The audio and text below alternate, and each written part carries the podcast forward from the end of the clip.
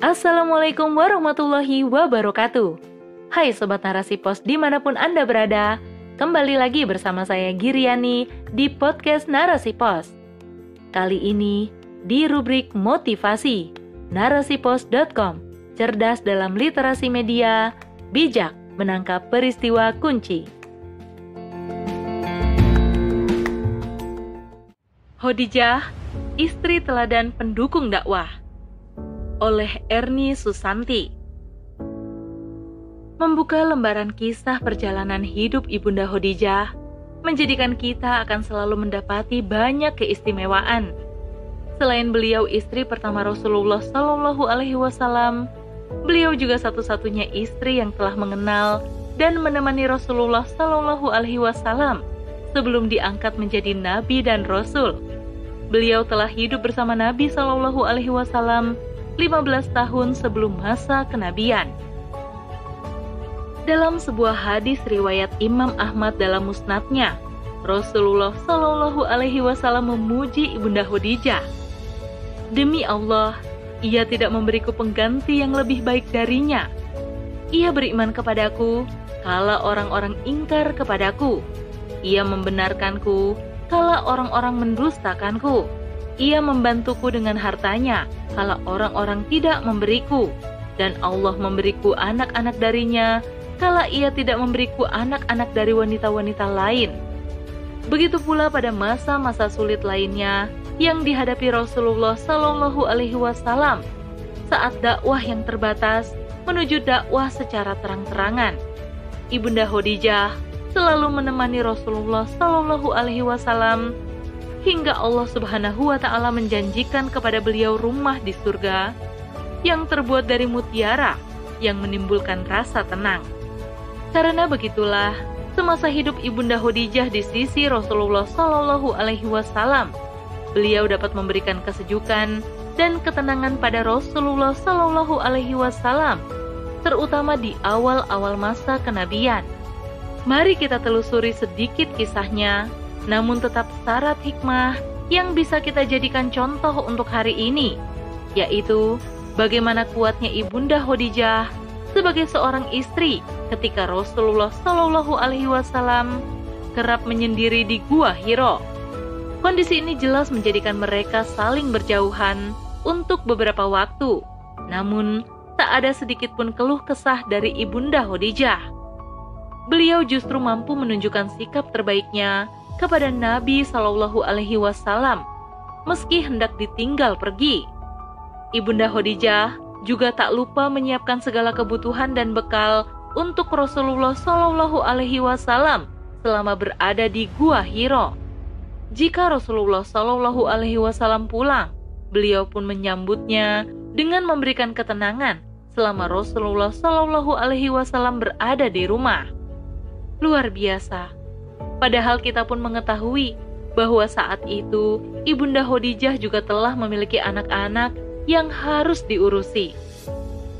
Maka dari kisah di atas, sebagai muslimah kita harus belajar agar mampu menjadi pendukung setia suami. Apalagi jika berkaitan dengan aktivitas berdakwah.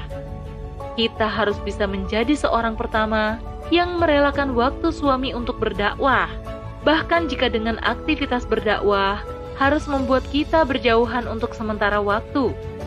Di saat waktu kita sudah banyak ditinggal suami untuk mencari nafkah, maka di saat suami melakukan aktivitas berdakwah, di saat itulah kita meneguhkan kekuatan bahwa semua bisa kita jalani. Rumah tangga tetap terjaga, serta anak-anak bisa kita asuh dan didik dengan baik. Pada perjalanannya, baik saat mencari nafkah atau berdakwah, tak jarang suami pun diterpa masalah yang bisa membuatnya kebingungan, gelisah, atau bahkan terguncang. Namun, mari kita pelajari kembali sikap Ibunda Khadijah tatkala Rasulullah Shallallahu alaihi wasallam pulang dari Gua Hiro pada malam pertama turunnya wahyu dari Allah Subhanahu wa taala melalui malaikat Jibril. Rasulullah Shallallahu Alaihi Wasallam pulang dalam kondisi ketakutan. Wajahnya pucat dan hatinya terguncang. Namun, dengan tetap tenang, Setelah menyelimuti Rasulullah Shallallahu Alaihi Wasallam, Ibunda Khadijah berkata dengan sangat indah dan penuh motivasi. Semoga Allah menjaga kita, wahai Abul Qasim. Bergembiralah wahai suamiku dan tegarlah, karena demi zat yang jiwa Khadijah berada di tangannya, sungguh aku berharap kau adalah nabi umat ini. Demi Allah, Allah tidak akan menghinakanmu selamanya. Kau menyambung tali kekeluargaan, jujur bertutur kata, menanggung beban, membantu orang miskin, menjamu tamu, dan membantu orang kesusahan. Muttafaq alaih. Dari kisah yang menakjubkan di atas, kita kembali harus belajar. Meski kita ataupun suami juga hanya manusia biasa, tapi kita harus berusaha menjadikan kehidupan rumah tangga kita seperti rumah tangga Nabi dan istrinya yang berlandaskan Islam. Tatkala suami diterpa masalah, maka seorang istri harus tetap berusaha menghadirkan ketenangan saat suami pulang ke rumah.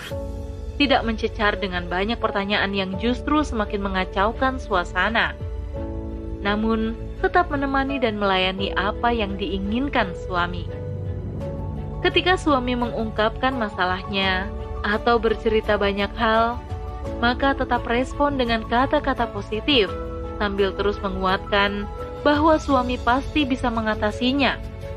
Selain itu, tak lupa kita harus selalu berhusnuzon kepada Allah Subhanahu wa taala atas apa yang terjadi.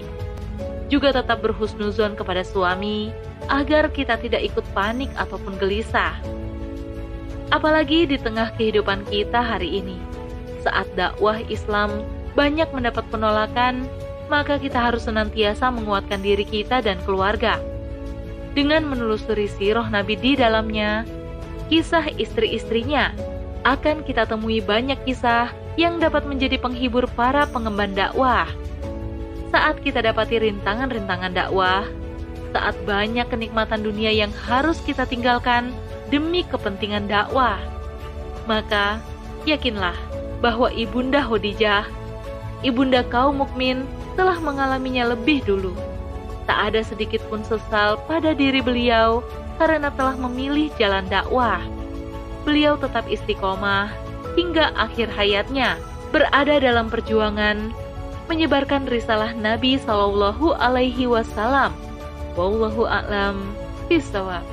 Wassalamualaikum warahmatullahi wabarakatuh.